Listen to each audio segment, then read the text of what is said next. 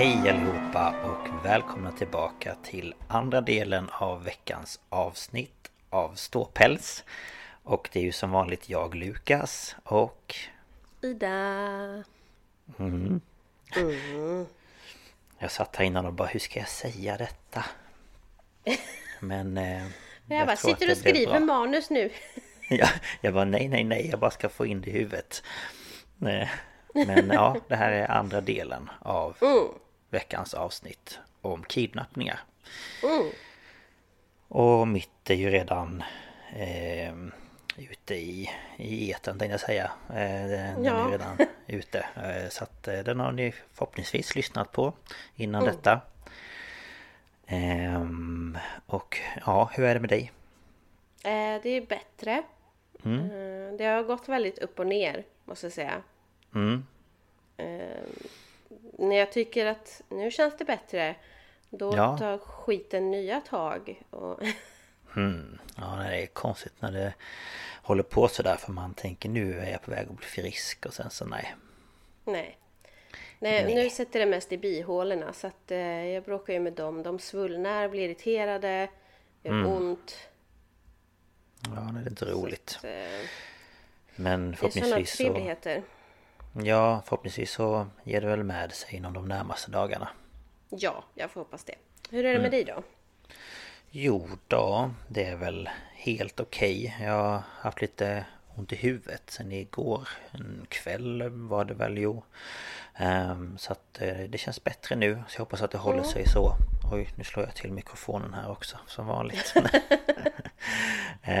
men uh, nej, men det rullar på. Det är helg, mm. det är skönt. Solen mm. skiner och sådär, ja. Ja, det gör den inte här. Nej, nej jag tror att den skiner i varje fall. Eller så ser jag bara syn. Det är grått. Jaha, ja. Då jag kanske inte ser riktigt för att mina persienner är typ halvt eh, ner, eh, vad heter det, rullade. Men ja, nej, det är ljust ute i varje fall. Ja.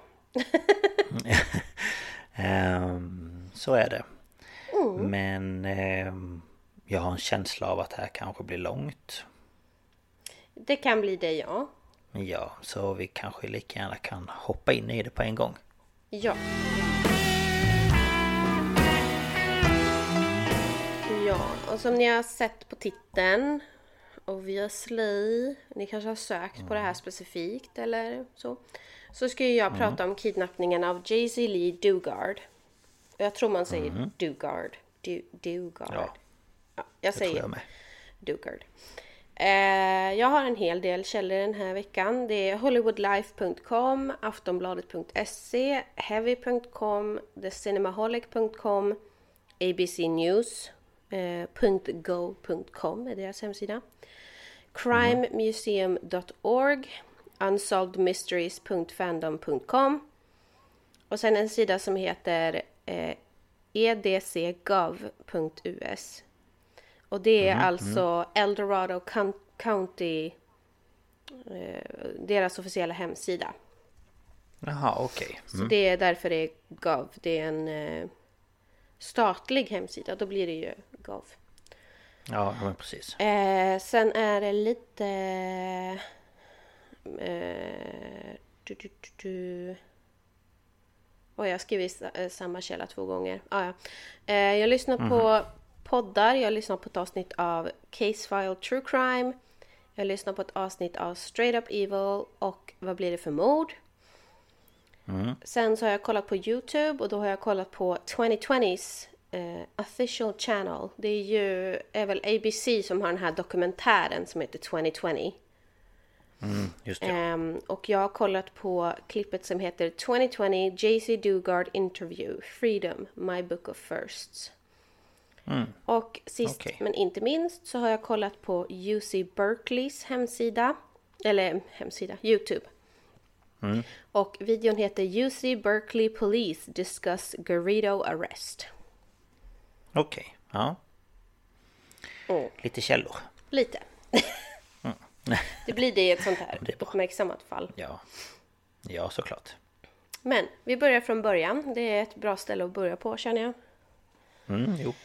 Eh, JC Lee Dugard föddes den 3 maj 1980. Hon är alltså exakt ett år äldre än min storebror. Mm. Han är född 3 maj 81. Eh, och hon föddes i Anaheim i Kalifornien i USA. Mm. Och eh, 1991 så flyttar hon med sin mamma Terry, styvpappa Carl och sin halvsyster Shana till Myers. Och Myers är en småstad i Eldorado County. Jag vill alltid säga country. ja, men det är för att det nästan stavas likadant. Ja, nej men Eldorado County, också i Kalifornien, mm. strax söder om South Lake Tahoe. Mm. Och eh, där gick JC i skolan på Myers, eller Mayers Elementary School. Och eh, enligt föräldrarna så var hon en ganska blyg tjej och vid tiden här runt då eh, mot sommaren 91 så var hon ganska nervös för att det var en skolresa som skulle hända och hon, ja, men hon oroade sig för det. Hon hade lite mm. så. Jag kan, ja, jag kan lite... förstå henne. Ja det kan jag också göra. Lite så här, man vet inte riktigt vad som ska hända och vad man ska göra och ja. Ja. Um, och då hoppar vi till den 10 juni 91. Då åker mamman eh, Terry. Eh, hon arbetar som sättare på tryckeri och jag vet inte riktigt vad en sättare på tryckeri gör. Men hon jobbar på tryckeri. Men har inte vi haft det i något annat avsnitt också? Eh, någon som jobbade som det. Jo. Eh, men är inte det typ Nej, jag vet inte. Vi diskuterade det då men vi kom aldrig nog fram till något. Nej, jag är inte så, jag är inte så insatt i det här med tryckeriverksamhet liksom. Men hon kanske Nej. är den som så här bestämmer slutgiltigt hur utformningen ska vara eller liksom förbereder själva Ja, hur det ska se ut när det är färdigt. Ja, jag vet inte. Nej, men hon jobbar på tryckeri i alla fall. Och ja. hon, hon åker till jobbet ganska tidigt den här eh, dagen. Eh, och 11-åriga Jaycee klädde sina favoritkläder som var rosa tights och en vit t-shirt med en katt på. Hon ja, eh, ska gå till skolbussen. Eh, så hon ska mm. gå upp för backen från sitt hus för att hinna med den. Och när hon är halvvägs upp för backen... Oj, ursäkta. fick... Ingen fara. ursäkta. När hon Fick var halvvägs... Ja. Eh, mm. hon, hon var halvvägs upp för backen i alla fall.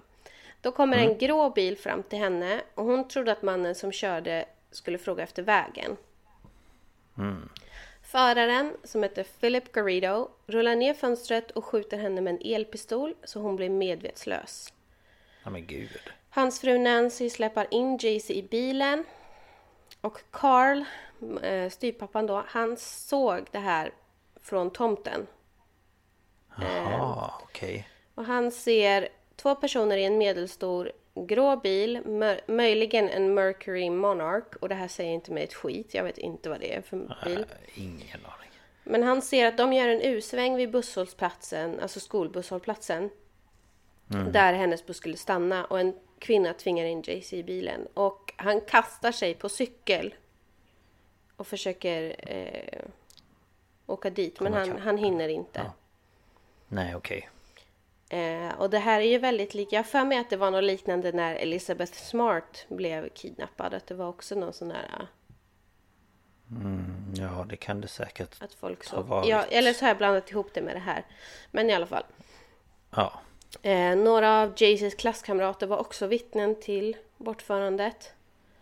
Mm-hmm. Eh, och samtidigt i bilen så täcker Nancy över Jaycee med en filt och håller ner henne medan Jaycee driver in och ur medvetande. Och anledningen mm. till att hon håller ner henne då är för att hon inte ska titta upp och synas liksom. Nej, såklart. Och de åker en tre timmar lång bilresa till Garridos egendom 120 mil bort i Antioquia. Mm. och den enda gången Jaycee sa någonting var när hon vädjade om att hennes föräldrar inte skulle ha råd med en lösensumma. Mm, okej. Okay. För det var det hon trodde att de skulle be om då. Det var det hon var orolig för liksom. Mm. Mm. De första som misstänks är styvpappa Carl och Ken Slayton som är Jaycees biologiska far.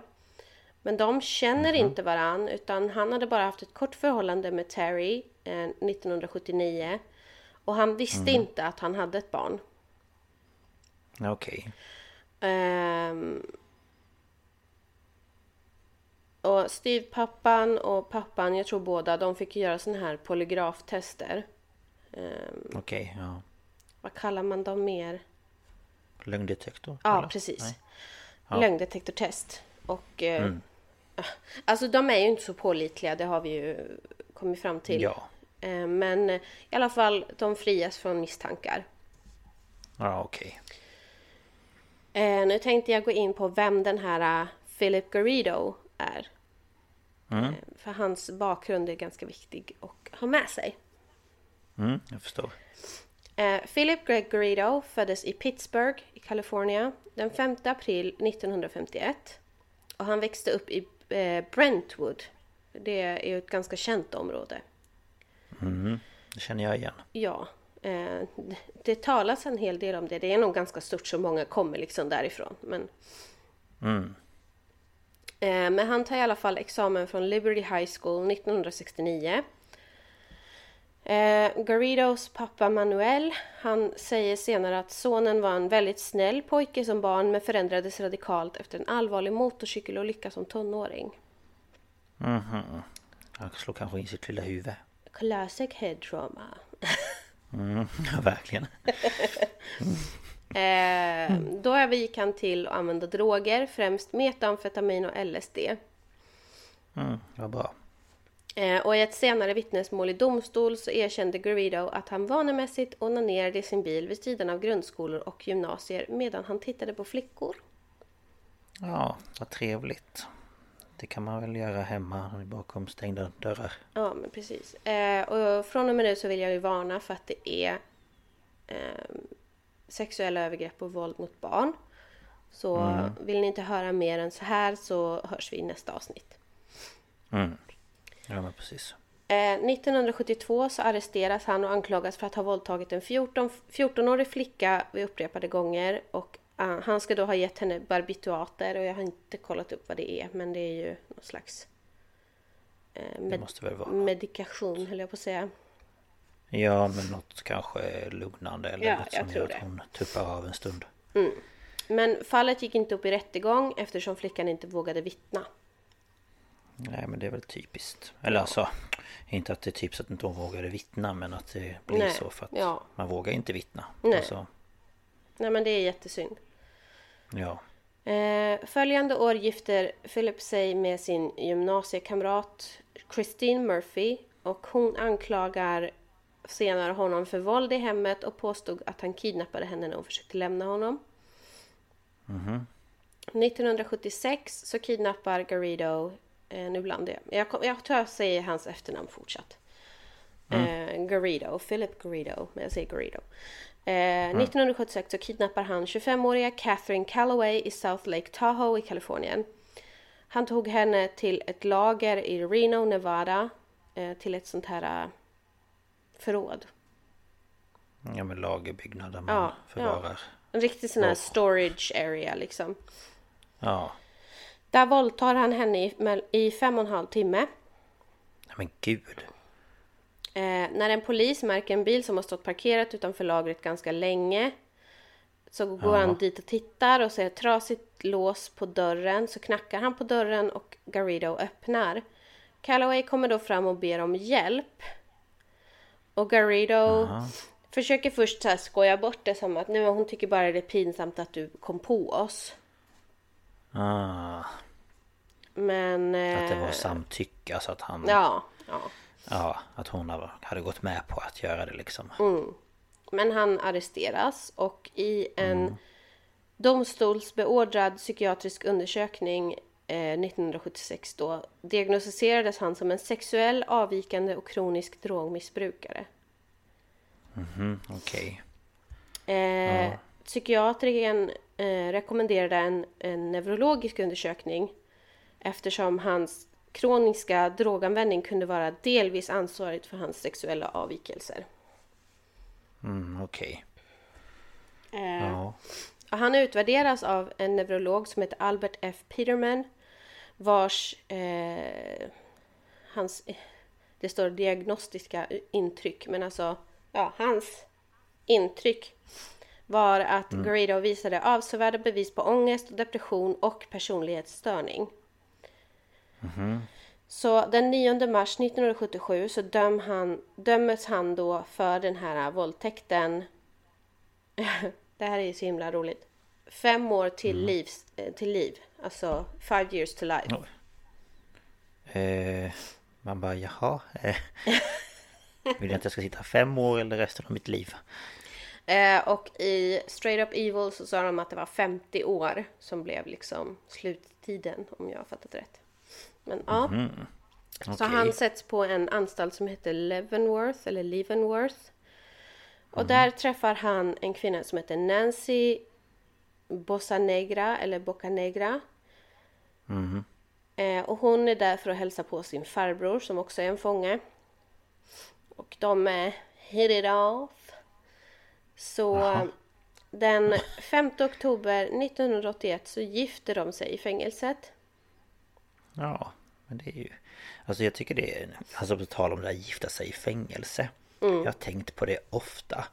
Att det känns så underligt på något sätt. För Ja, att du har ju inte spenderat tid med den här personen liksom i... Utanför fängelset. du är där för du- att hälsa på din farbror som sitter i fängelse och blir kär i en medfånge. Man bara... Okej. Ja Men det är samma som sådana som typ Skriver kärleksbrev till folk Ja. sitter i fängelse Att det blir så, jag vet inte, jag tycker det är så lustigt för du vet ju inte hur den här personen är Nej, men jag Om du tror skulle att- umgås med den de som gör det har någon slags behov av att förändra en människa. Att de kan se det goda i människor liksom.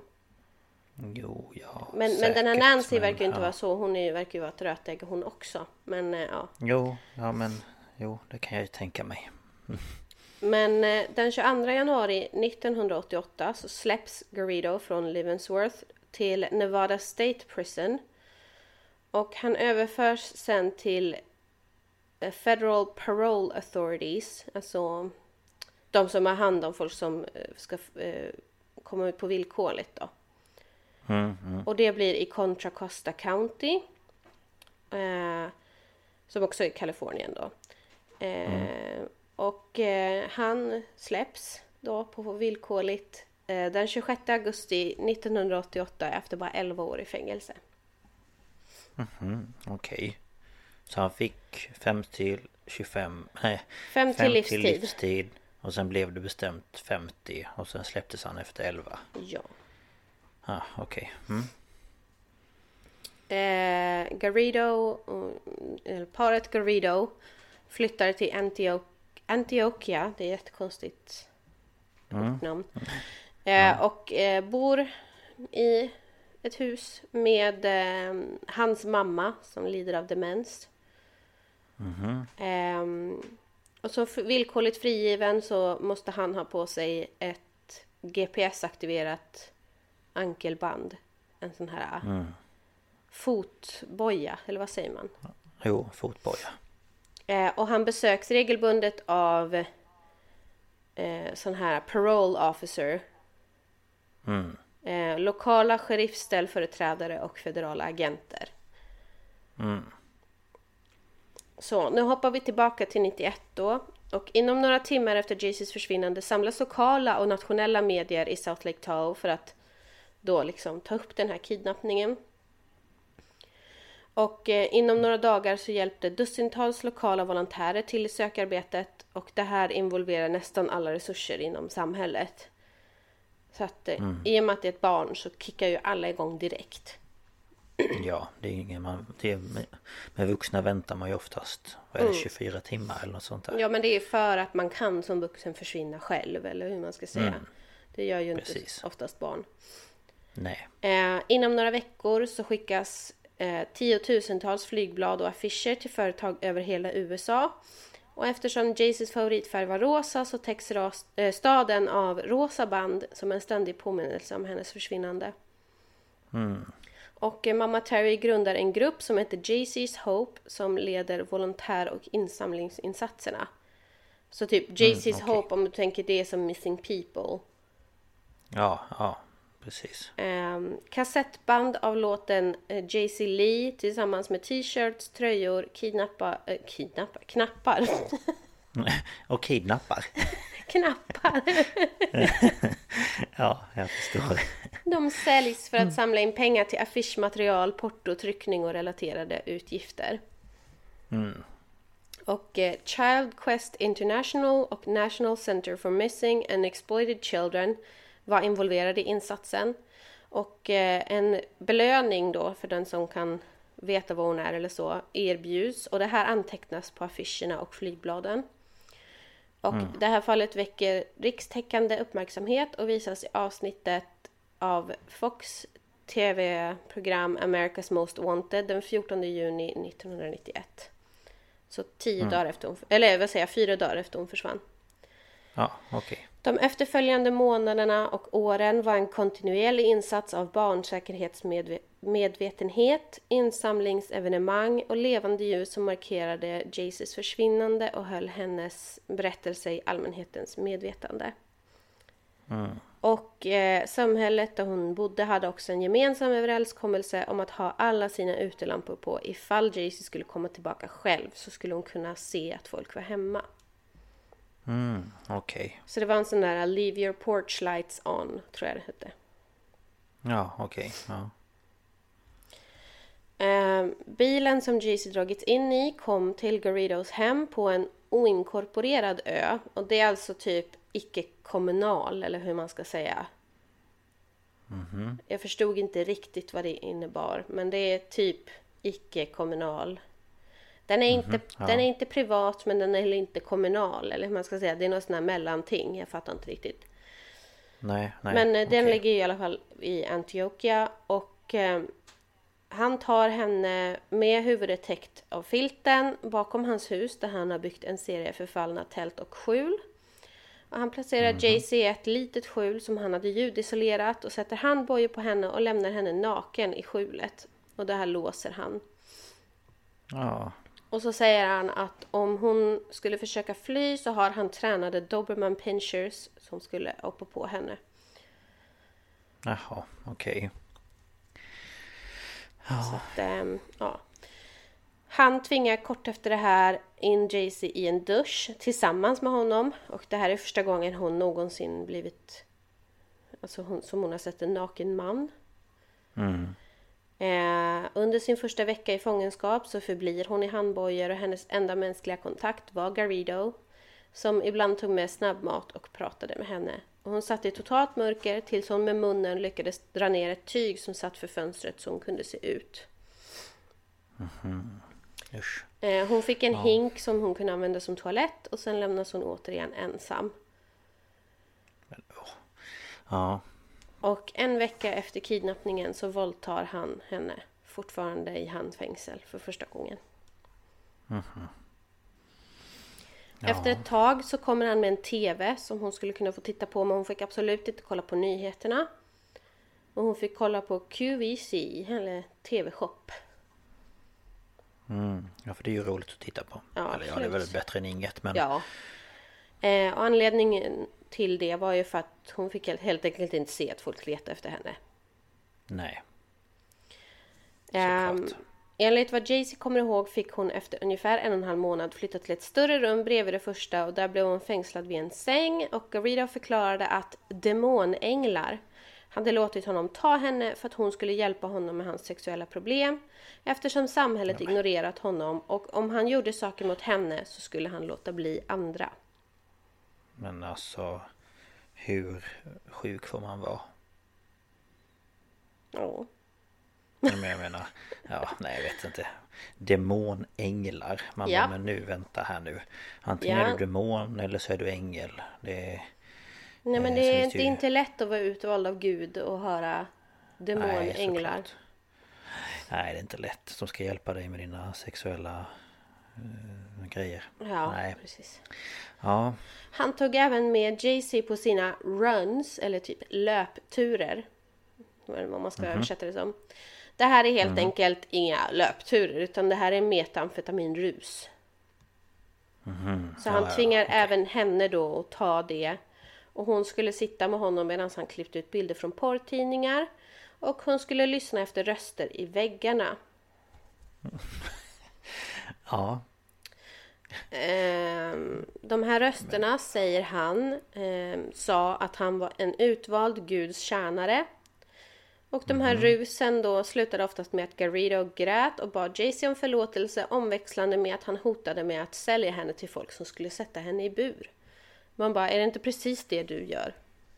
Eh, ja, jag känner det. Det är väl du som sätter henne i en bur och... Eh, jag vet inte. Jag tycker det är så sjukt bara.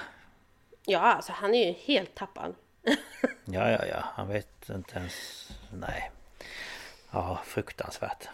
Sju månader in i fångenskapen så intresserar han eh, Nancy. Eh, för då Jay-Z, för hon har inte fattat riktigt att Nancy är där liksom. Nej, okej. Okay. Eh, så de får träffas och Nancy har med sig ett gosedjur och choklad, eh, chokladmjölk, alltså typ O'boy eller Pucko eller mm. Yoo-hoo kanske det heter på engelska. Eh, ja, och hon ber om samma slags tårfyllda ursäkter som han gör. Och även om hon längtade efter den här kvinnans godkännande vid den tiden har hon senare berättat att Nancy var lika manipulativ som sin man.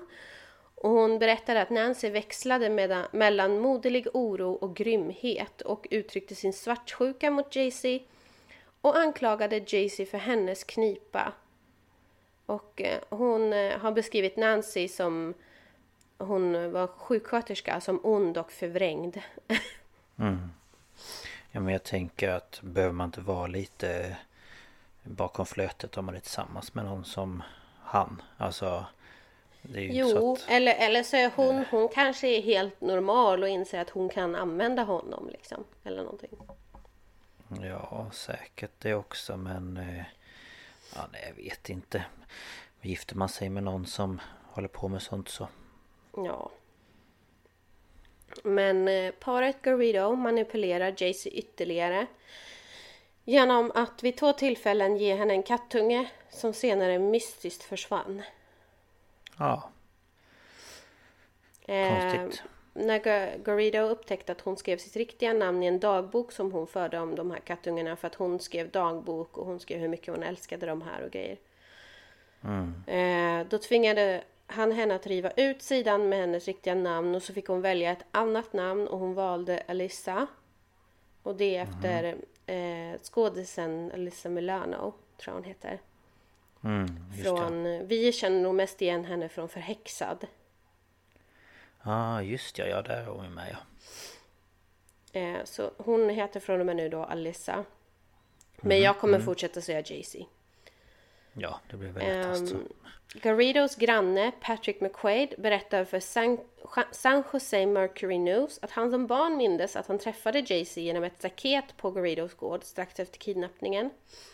Han sa att hon hade identifierat sig med namnet Jaycee och att hon på frågan om hon bodde där eller bara var på besök svarade hon att hon bodde där. Och då kom Garrido ut eh, och tog henne tillbaka inomhus och så småningom byggde han ett 2,4 meter högt staket runt bakgården och satte upp ett tält åt Jaycee. Och under den här mm. hela tiden som kidnappad så fick hon aldrig träffa en tandläkare eller läkare. Nej, okej. Okay. Vilket kanske är ganska vanligt också. Ja. När man har blivit kidnappad. Ja. Nästan tre år in i fångenskapen så börjar han tillåta Jaycee lite frihet från handbojorna under perioder. Men de håller henne fortfarande inlåst i rummet. På påskdagen 94 gav de, gav de henne ett riktigt lagat mål mat första gången. Hon har ju bara fått typ snabbmat, burkmat tidigare. Mm -hmm. Och det här är ju för att de tror att hon är gravid. Ja. Jaycee som då är 13 år gammal har fått reda på sambandet mellan sex och graviditet från TV. Och hon tittar på tv-program om förlossning som förberedelse för födseln av hennes första dotter. Och det här inträffar då när eh, Jaycee är 14 år gammal, den 18 augusti 1994. Mm -hmm. Och Garrido är med och när dottern har fötts så säger, jag tror det är Jaycee som har berättat, att han tar henne i famnen och ber till Gud att han inte skulle skada detta barn. Ja. Okej. Och han bestämde också att dottern skulle heta Angel. Ja, sina Ehm. demonänglar.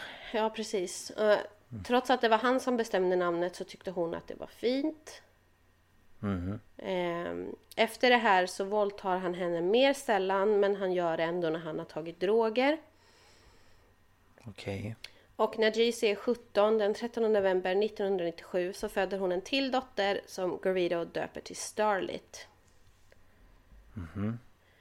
Eh, och hon tar ju då hand om sina döttrar med hjälp av information från TV och hon arbetade mycket för att skydda dem från Garrido.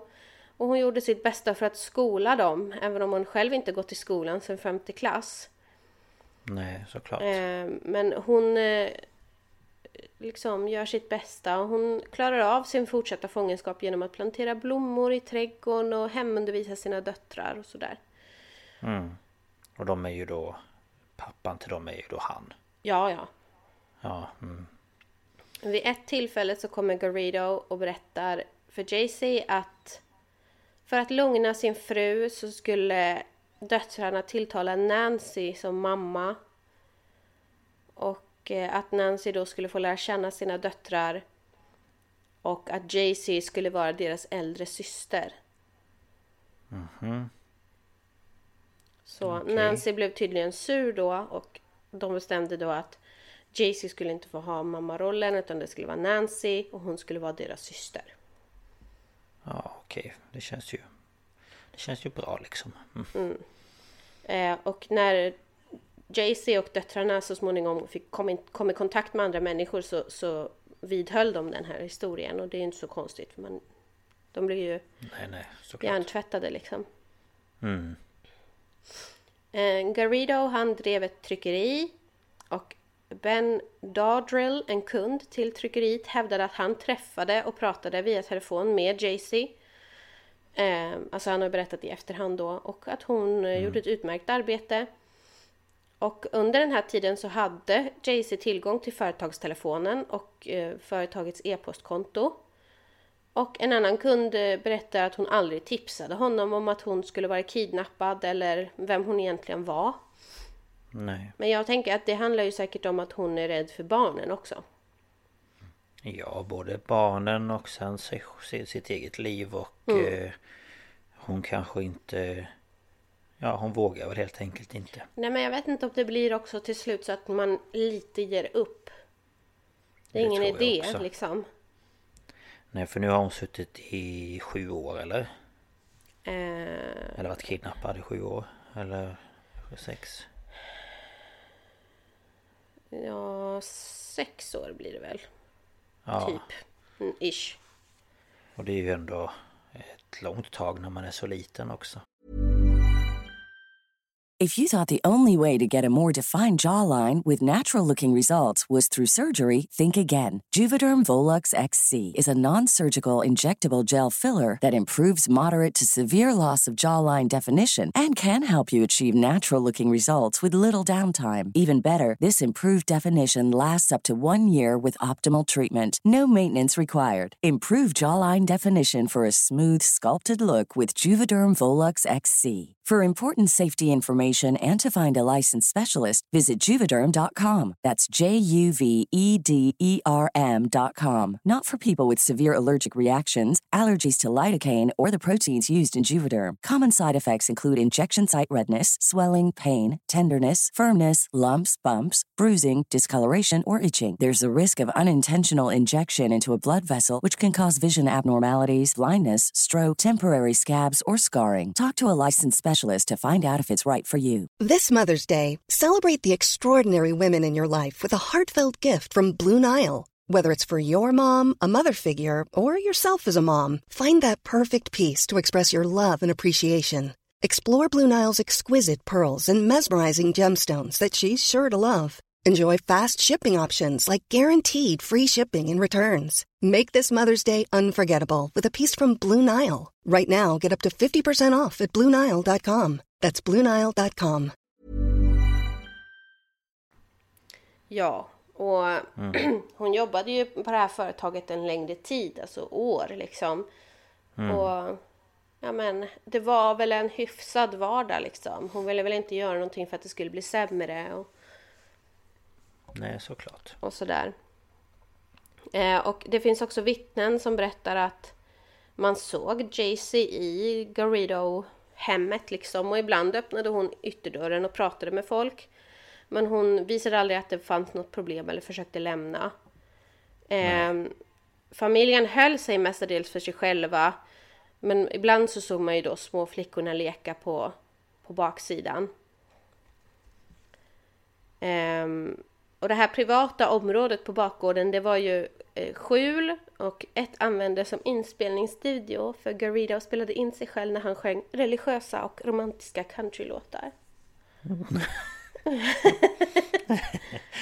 Ja, de vill jag höra de låtarna känner jag. Ja, man fick höra lite i en, i en av dokumentärerna jag tittar på. Det är inte bra. Ja, det måste man typ kunna söka på tänker jag. Säkert. Ja, herre min. Ja, mm. Eh, det var också två hemgjorda tält och var som beskrivit som en, en typ campingaktig grej med dusch och toalett. Eh, och området är omgivet av höga träd och ett då två meter högt staket. Ehm, och en ingång till den sekundära bakgården täcktes av träd och en pressändning. Och ehm, allt det här liksom blir mer och mer hemligt med tält och uthus och Alltså han har ju liksom lager på lager typ. Och han eh, försörjde det här, den här bakgården med förlängningssladdar. Jaha, okej. Nu hoppar vi framåt en del till den 24 augusti 2009. För då besöker Garrido kontoret för Federal Bureau of Investigation, alltså FBI, i San Francisco och lämnar en fyrasidig uppsats som innehåller idéer om religion och sexualitet. Och det här antyder då att han har upptäckt en lösning på problembeteenden och eh, ja, sånt som har med hans tidigare brott att göra. Okej. I den här uppsatsen så beskriver han hur han botat sitt avvikande beteende och hur den informationen kunde hjälpa, användas för att hjälpa till och att bota andra sexuella predators eller rovdjur eller ja, svin. Genom att kontrollera mänskliga impulser som driver människor att begå dysfunktionella handlingar. Okej, ja. Japp. Det låter bra det. Samma dag så åker han till University of California, Berkeley, eller UC Berkeley. Med, ha, med sig har han Starlit och Angel. Och han går till eh, universitetets campuspolis. Eh, det är någonting de har i USA, men vi har ju inte sånt här. Nej. Eh, nej, nej. Men de har ju liksom en liten Annan De är väl lite mer än väktare. De är väl, de, jag vet inte om de är poliser som jobbar bara på campus eller om de är, om det är någon mellanting. Jag vet inte. Inte jag heller faktiskt. Men han går i alla fall till dem för att söka tillstånd att hålla ett speciellt evenemang som en del av hans Guds önskeprogram. Mhm, okej. Mm. Alltså. Ja, goddag yxskaft. Han pratar då med specialevenemangschefen Lisa Campbell och hon uppfattar hans beteende som oberäkneligt och upplever att tjejerna var väldigt så här, tysta och undergivna. Ja, de måste väl vara ganska gamla nu eller?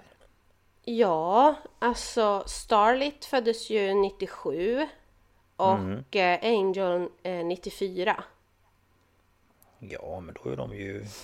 Ja, eh, vad blir det? Över tio i varje fall, båda två. 12 och... Eh, nu hoppade det i mitt dokument. Vad blir det då? 94, 2004, 15. Mm. 12 och 15 då. Ja, Eh, hon anar ju oråd. Eh, och hon tänker att hon måste göra någonting så hon ber honom att komma in nästa dag. Eh, och de bokar in klockan två och eh, hon ber också om hans namn. Liksom så här, ah, jag behöver ett namn också. Så att vi ser att det är du som kommer. Så han går. Och ehm, en kollega till eh, Lisa, hette hon väl? Ja. ja. Jag Som heter, kollegan heter Ali Jacobs. De, mm. Hon gör en bakgrundskontroll och upptäcker att Garrido var en registrerad sexförbrytare på federal villkorlig frigivning för kidnappning och våldtäkt. Så han fick okay. ju alltså inte umgås med barn. Nej, just ja. Eh, men... Eh, ja. De kommer tillbaka klockan två följande dag. Både Garrido, Angel och Starlit. Och eh, Lisa har bett Ali att vara med på mötet. Mm. Och eh, hon sitter med och de liksom...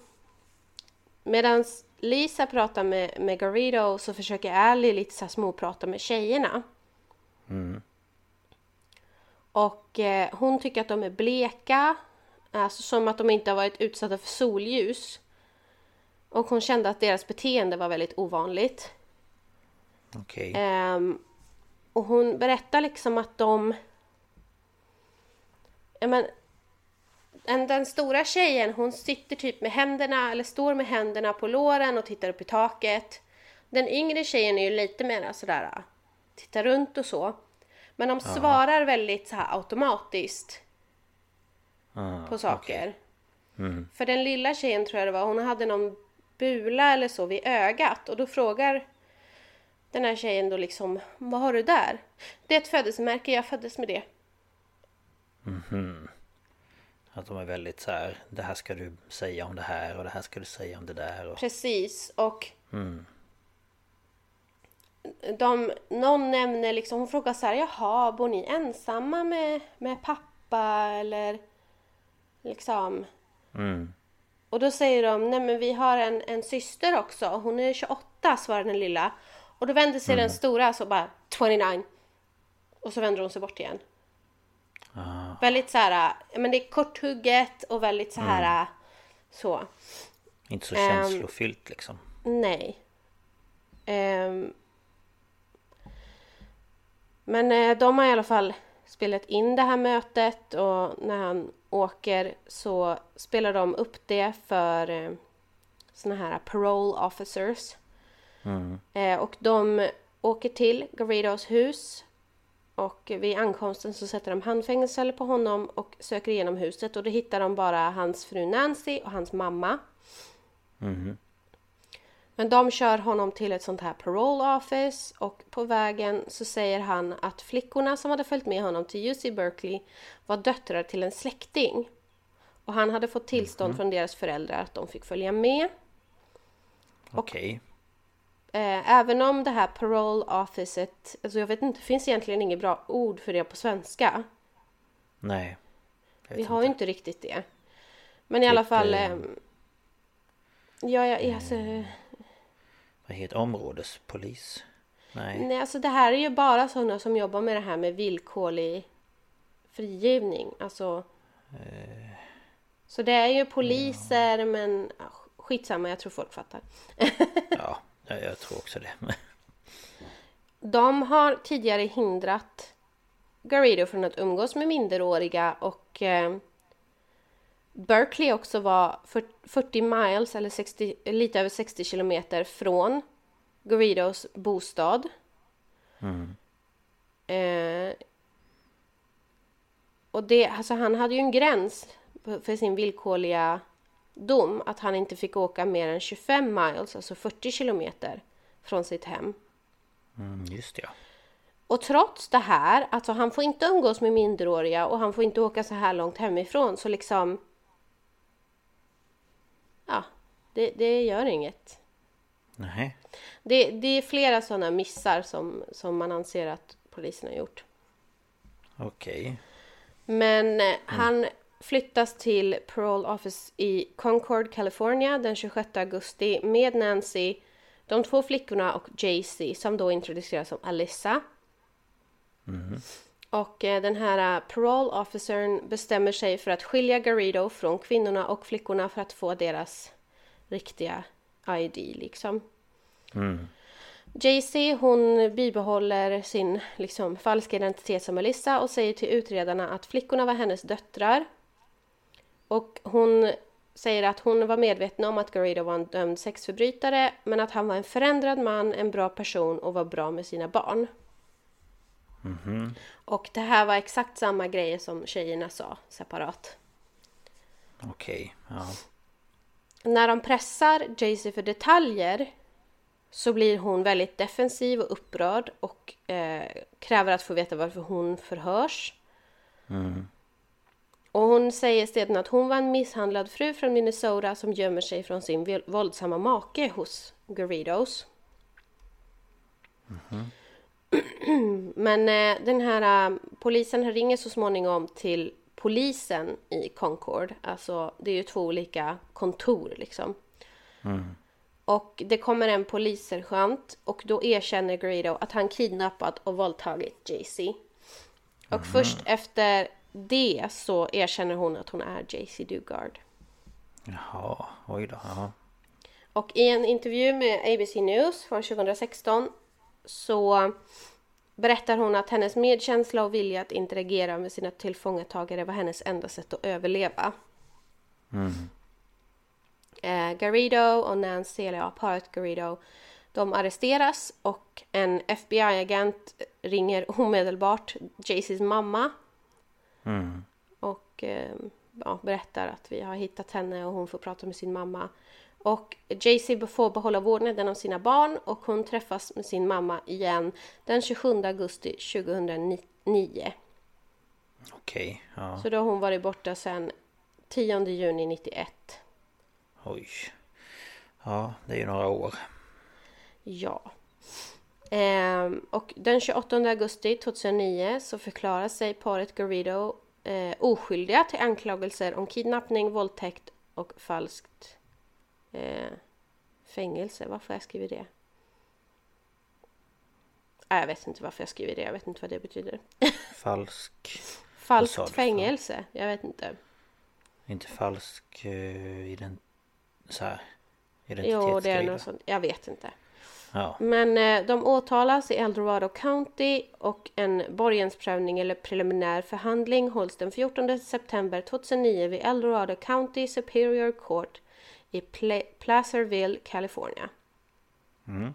Och då beviljar domaren en begäran från paret Garridos advokat om att få en psykolog eller psykiater eh, som kan genomföra en konfidentiell utvärdering. Och sådana undersökningar kan användas av försvaret som hjälp vid ärendeförberedelser och ytterligare mentalvårdsundersökningar kan beställas i efterföljande skeden av handläggningen. Så att det här är ju liksom för att de ska bygga upp ett case Ja. ett försvar liksom. Den 29 oktober 2009 så hålls en kort utfrågning för att fastställa ett datum för nästa preliminära, preliminära utfrågning. Ehm, och denna nästa utfrågning eh, äger rum den 11 december 2009 i, eh, ja antagligen där i ehm, Superior Court Placerville. Eh, och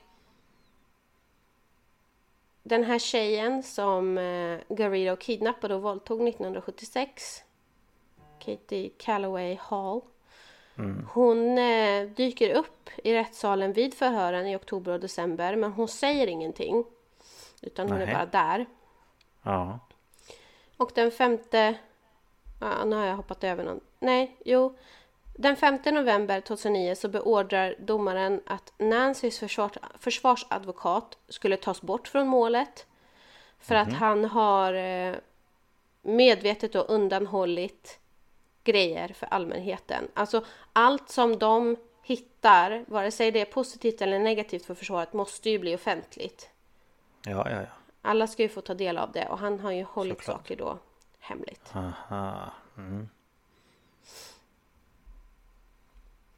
Eh, på en presskonferens den 28 februari 2011, så nu har vi hoppat lite framåt. Allting tar ju sån tid. Ja, det gör ju det.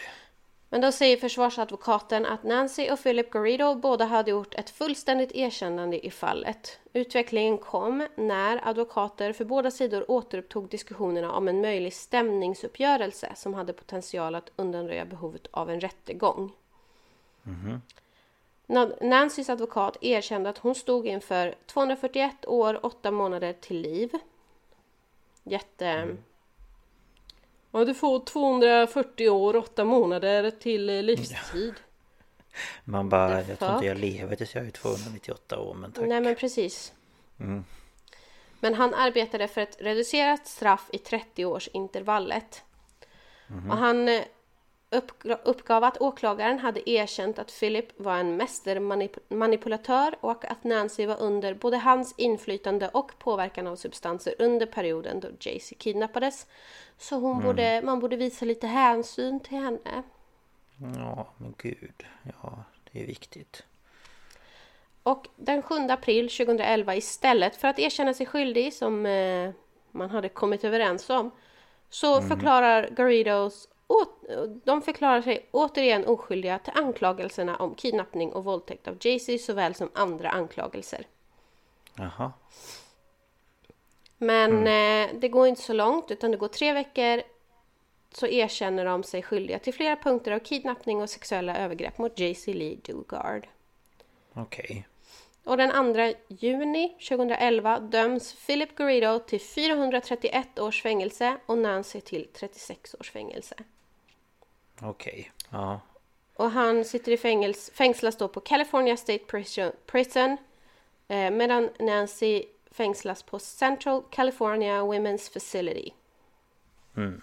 Eh, och hon, Jaycee var inte där utan hon skickar ett skriftligt meddelande som hennes mamma läste högt i rätten. Mm. Eh, men det är liksom inte slut här för att Jaycee hon stämmer delstaten Kalifornien på grund av de många försummelser av myndigheterna kring Garridos villkorliga frigivning. Mm. Och de godkänner en uppgörelse på 20 miljoner dollar och jag har tagit ett citat på engelska för jag tycker det är så svårt att översätta vissa saker. Ja. Men de godkänner en uppgörelse på 20 miljoner dollar för various lapses by the corrections department that contributed to Dugard's continued captivity, ongoing sexual assault and mental and or physical abuse. Mm. Så de erkänner ju att... Um, de har brustit. Ja, det har funnits... Uh, man har hittat brister i liksom... Vad säger man, corrections department, alltså vad kallar man det på svenska? Ja... Rättsväsendet kanske man kan säga. Ja, ja jo det kanske stämmer. Mm. Men den här uppgörelsen skrivs på av guvernör Arnold Schwarzenegger den 9 juli. Mm. Och den 22 september 2011 lämnar Jaycee in en stämningsansökan i USAs distriktsdomstol för Northern District of California och anklagar USA för att inte ha övervakat Philip när han var villkorligt frigiven. Mm. Hon påstår då i sin stämningsansökan mot den federala regeringen att villkorlig dom borde ha Alltså den borde ha återkallats. Mm. Och man borde ha satt honom i fängelse igen. Ja. Ehm, eftersom han har gjort ett antal kränkningar mot den här villkorliga frigivningen. Mm. Innan, till och med innan hon blev kidnappad. Kidnappad ja, ja precis. Bland annat så testade han ju positivt för droger och alkohol. Mm. Men, det var eh, väl en del av det liksom. Ja. Alltså mm. han får inte göra någonting brottsligt liksom. Nej. Nej, eh, men den 15 mars 2016 så avslog den amerikanska appellationsdomstolen för nionde kretsen Dugards civilrättsliga anspråk. Mm -hmm. Och enligt Federal Tort Claims Act Alltså FTCA, jag är inte så insatt i vad det är. Nej. Um, ja, det var de som skrev att de avslog det. Och mm. i ett beslut som domare John B. Owens fastslog uh, um, Alltså han skrev ett beslut så faststod, fastslog domstolen mm. att den federala regeringens suveräna immunitet inte avstods eftersom USA endast är ansvarigt på samma sätt och i samma utsträckning som en privatperson under liknande omständigheter enligt delstatslagstiftningen. Mm. Så det här betyder ju att eftersom USA inte skulle vara ansvarig enligt kalifornisk lag kunde mm. inte Jaycee vinna hennes anspråk då. Nej. Och eh, majoritetens motivering var då att Jaycee inte hade blivit utsatt för Garrido när han placerades under federal villkorlig övervakning och det fanns inget sätt att förutse när hon skulle bli hans offer. Och därför hade federala myndigheter i Kalifornien ingen skyldighet att skydda henne eller andra medlemmar av allmänheten från honom. Nej. Man bara, är det inte det poängen med en villkorlig frigivning är? Jo, men de bara försöker komma undan. Ja men Jag det är ju menar- paragrafryttare hej och hå liksom. Jo, men man bara, men hallå, han var ju villkorligt frigiven. Även Och när han umgicks med barn, han drack Ja, alkohol, han knarkade. Han Ja. körde längre hemifrån än vad han fick. ja. Man bara, där har vi ju ett x antal överträdelser av den här villkorliga domen. Ja. Herregud. Ja, nej. Och, och det värsta av alltihopa är ju att hela tiden hon har varit kidnappad så har det ju kommit såna här parole officers ge- regelbundet för att kolla så att han inte har några droger eller så i hemmet liksom. Mm. Och de har inte gått på baksidan och tittat vad som finns i skjulen. Nej. Ja, det är ju jävligt konstigt också för det skulle de väl gjort tycker man. Ja men de har ju typ bara klivit in genom dörren och bara hej hej, hej då. Hej, har du någonting här? Nej, jag ser det. Okej, bra, tack, hej. Ja precis. Men alltså. Så att, ehm, det är ju brister åt alla möjliga håll. Ja, för jag menar, hade de undersökt eller genomsökt huset och trädgården så hade de ju hittat henne också tänker jag. Ja, visst. Och då hade de ju sett att oj, vad gör du här? Du ser inte Ja. ut att må så bra. Ja. Ja, nej. Hon måste ju ha blivit jättebesviken. Ja, hon är ju det. Hon har ju svårt att lita på, på rättsväsendet och så. Eh, hon dokumenterade sitt liv i fångenskap i en bok som heter A Stolen Life, A Memoir. Och eh, hon skrev den som en del av sin terapi med Okej. eh, en person som heter Rebecca Bailey. Hon är specialiserad på familjeåterföring efter trauma. Ja, okej. Och hon säger att när hon skrev boken som publicerades i juli 2011 ehm, eller hon skrev boken för att hjälpa andra överlevande av sexuella övergrepp. Mhm. Och några dagar innan boken släpptes så gav Jay-Z förs- sin första omfattande tv-intervju inspelad i OJ, California till ABC's Diane Sawyer. Eh, och det är samma, hon, ehm, hon har gjort två långa intervjuer för, med Jay-Z och det är samma kvinna. Mm, okej. Eh, och Jay-Z fick en utmärkelse för Lifetime Leadership vid den tredje årliga The DVF Awards, eller The Diller von Furstenberg Family Foundation. Och det här priset delas ut årligen för att ge mottagarna den exponering och de resurser som krävs för att utöka sina ansträngningar för kvinnors räkning över hela världen. Och det här fick hon i mars 2012. Eh, och ehm, det fick hon ju då för sitt mod och för sin eh, JC Foundation som ger stöd till familjer som hanterar bortförande och andra förluster. Och hon skrev också en andra bok som hette Freedom, My Book of Firsts som släpptes då den 12 juli 2016. Eh, och den här boken fokuserar på hennes liv sedan första boken och hennes återhämtning och återanpassning till världen. Och då intervjuades hon återigen av Diane Sawyer eh, några dagar innan publiceringen och det är den intervjun jag har kollat på. Okej. Eh, och då pratar de ju lite om så här, liksom hur det känns och hon berättar ju att eh, hon har, jag tror att hennes hud är påverkad. För hon har inte fått så mycket D-vitamin och grejer. Så hon är ganska känslig mot solen och hon är fortfarande ljuskänslig i ögonen. Efter att ha levt i mörker så länge. Så att Ja, hon lever ju med, med sådana grejer och det kan jag tänka mig att hennes döttrar också gör. Ja, och jag har suttit och tänkt nu ett tag på att hur det måste kännas för henne att ha två barn som hon vet Alltså vem pappan är och vad den pappan har gjort mot henne. Ja men alltså, Alltså- hon, barnen vet ju om allting eh, och först så kallade de Philip för pappa men nu kallar de bara honom för Philip. Ja, Ehm, för jag menar det är ju deras pappa men det är ju på så fel ja, och hon, hon sa i en intervju till en tidning som jag läste att hon låter tjejerna bestämma själv om de vill gå och hälsa på Philip i fängelse. Hon kommer inte lägga någon värdering i om de väljer att göra det eller inte. Nej, Det är liksom deras val men hon, hon hoppas väl lite att de inte ska göra det typ. Nej men såklart. Det förstår man ju liksom från hennes synvinkel av det hela att... Mm. Eh, ja. Idag så lever Jay-Z på okänd ort. Alltså jag har inte kunnat se någonting. Nej. Det jag vet är att båda hennes döttrar har gått på college. Mm. Men annars så vet jag inte vad de gör och det kanske är skönast för dem. Jo, jag tror det också. Slippa liksom all medieövervakning och... Ja. Eh, hon vill väl inte att folk ska veta vad hon håller till liksom. Nej.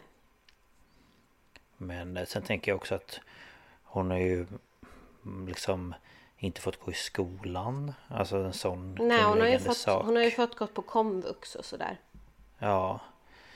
Men jag menar det är mycket grejer som hon inte har fått, vad ska man säga, göra. När man växer ja, hon, upp hon så... Har gått mycket. Hon har gått miste om väldigt mycket helt enkelt. Ja, jag tänker liksom och... alla skolgrejer kanske bli så här kär i om du nu är pojke eller tjej eller ja. Ja, eller men liksom... tänk också Angel då som var tonåring när mm. när eh, de, allting de... hände. Som, när, ja. när de blev fria liksom. Hon har ju inte Nej. Hon har inte fått den upplevelsen liksom att gå i skolan eller high school och ha sin första nej, nej, pojkvän och Det är ju mycket trauman och mycket grejer som måste bearbetas liksom. Ja. Men att, ja, eh, de verkar ha en bra relation liksom med sin mamma och, och mm. med, Terry, med Terry då, Jaycees mamma. Och, mm. um, tyvärr så gick ju mamman och styvpappan som jag berättade om i början, de gick skilda vägar. Antagligen blev det väl ja, för mycket med kidnappningen och så. Men... Ja, eh, det brukar ju kunna bli så också när det blir såna här stora grejer som händer. Att mm. man kanske pallar ett tag men sen tär det på en för mycket. Ja. Så, ja nej det är, det är sjukt vad det kan påverka. Och det tänker ju inte de här personerna på som väljer att göra sådana här saker mot andra. Att det förstör ju så många liv. Ja. Det är inte bara den som blir kidnappad utan det är ju alla runt omkring också. Ja, precis. Men... Jag tänker ju på den här stackars mamman som Garridos mamma som bodde där. Hon kan ju ja. inte ha fattat, alltså hon är, var ju dement. Hon måste ju varit, hon måste ju ha mått jättedåligt. Det måste ha varit jättestressigt för henne.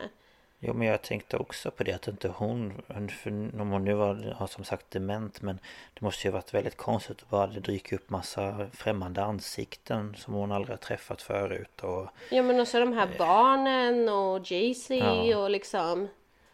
Men... Så, vilka är eh, ni liksom? Men eh, jag tror att hon var väl så pass långt gången i sjukdomen att det bara var så här. Jag fattar ingenting.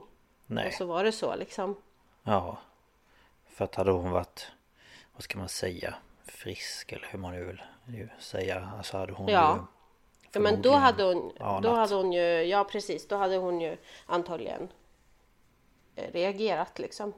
Mm. Ja. Nej, det är... Ja.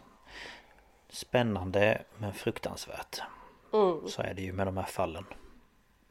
Ja, usch.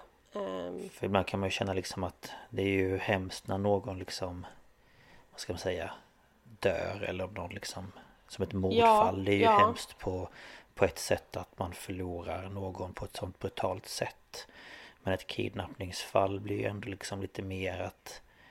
Eh, du kanske klarar dig och så ska du leva resten av ditt liv med alla den här trauman du har ja. fått gå igenom. Och... och det är nog väldigt mycket upp till varje persons liksom karaktär hur mm. bra de hanterar det. För Jaycee verkar ändå, hon verkar ha bearbetning och mm. hon, eh, ja men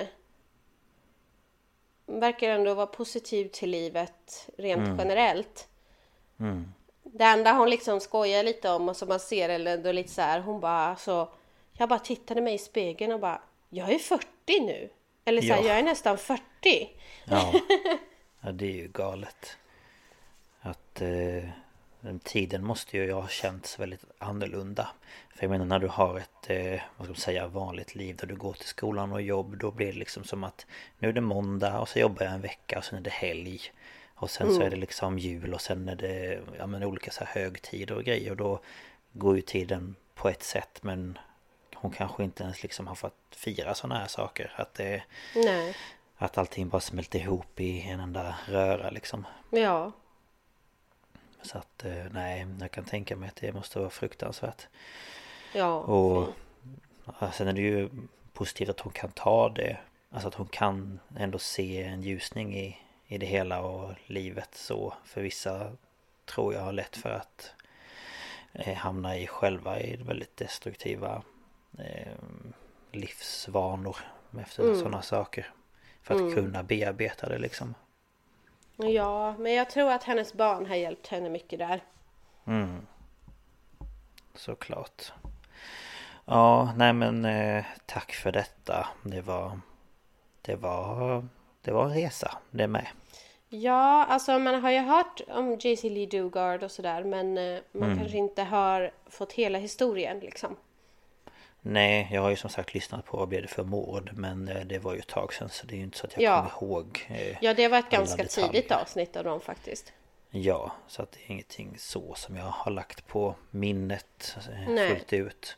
Men eh, ja, nej men tack för detta. Ja, det var så lite så. Nu när jag äntligen kunde prata lite bättre. Mm, men det är väl skönt det. Ja. Ehm, men ehm, ja det var väl det för den här veckan. Då har vi spelat in både ditt och mitt. Ja, då får vi börja jobba på nästa avsnitt. Ska vi säga mm. vilken, eh, vilket tema det har? Ja, det tycker jag väl. Vill du avslöja eh, det eller? Ehm, jag måste bara dubbelkolla så jag säger rätt. jag vet vad det är men... Eh... Eh, nej men hallå, inte där. Ja men precis, det blir ju lite terrorattentat. Ja men precis. Så att eh, får ni väl finurla vad det kan bli för några ämnen. Mm. Eller för några fall eller vad man nu säger. Ja. Ja. Eh, och är det någonting ni funderar på så kan ni kontakta oss på våran mail som är staphalspodcast gmail.com Eller på Instagram så söker ni på staphalspodcast. Eh, mm. Och vi försöker att lägga ut lite bilder i, som handlar om avsnitten eller sådär och eh, mm. information om det blir försenat avsnitt eller inställt avsnitt eller liknande och man kan ju alltid kommentera på bilderna där eller skriva ett meddelande. Mm. Precis. Det mm. låter bra det. Men eh, tack för att ni har lyssnat. Och, tack så mycket. Eh, så hörs vi igen nästa vecka. Ja, ha det bra. Ja, ha det bra. Hej då! Hej då!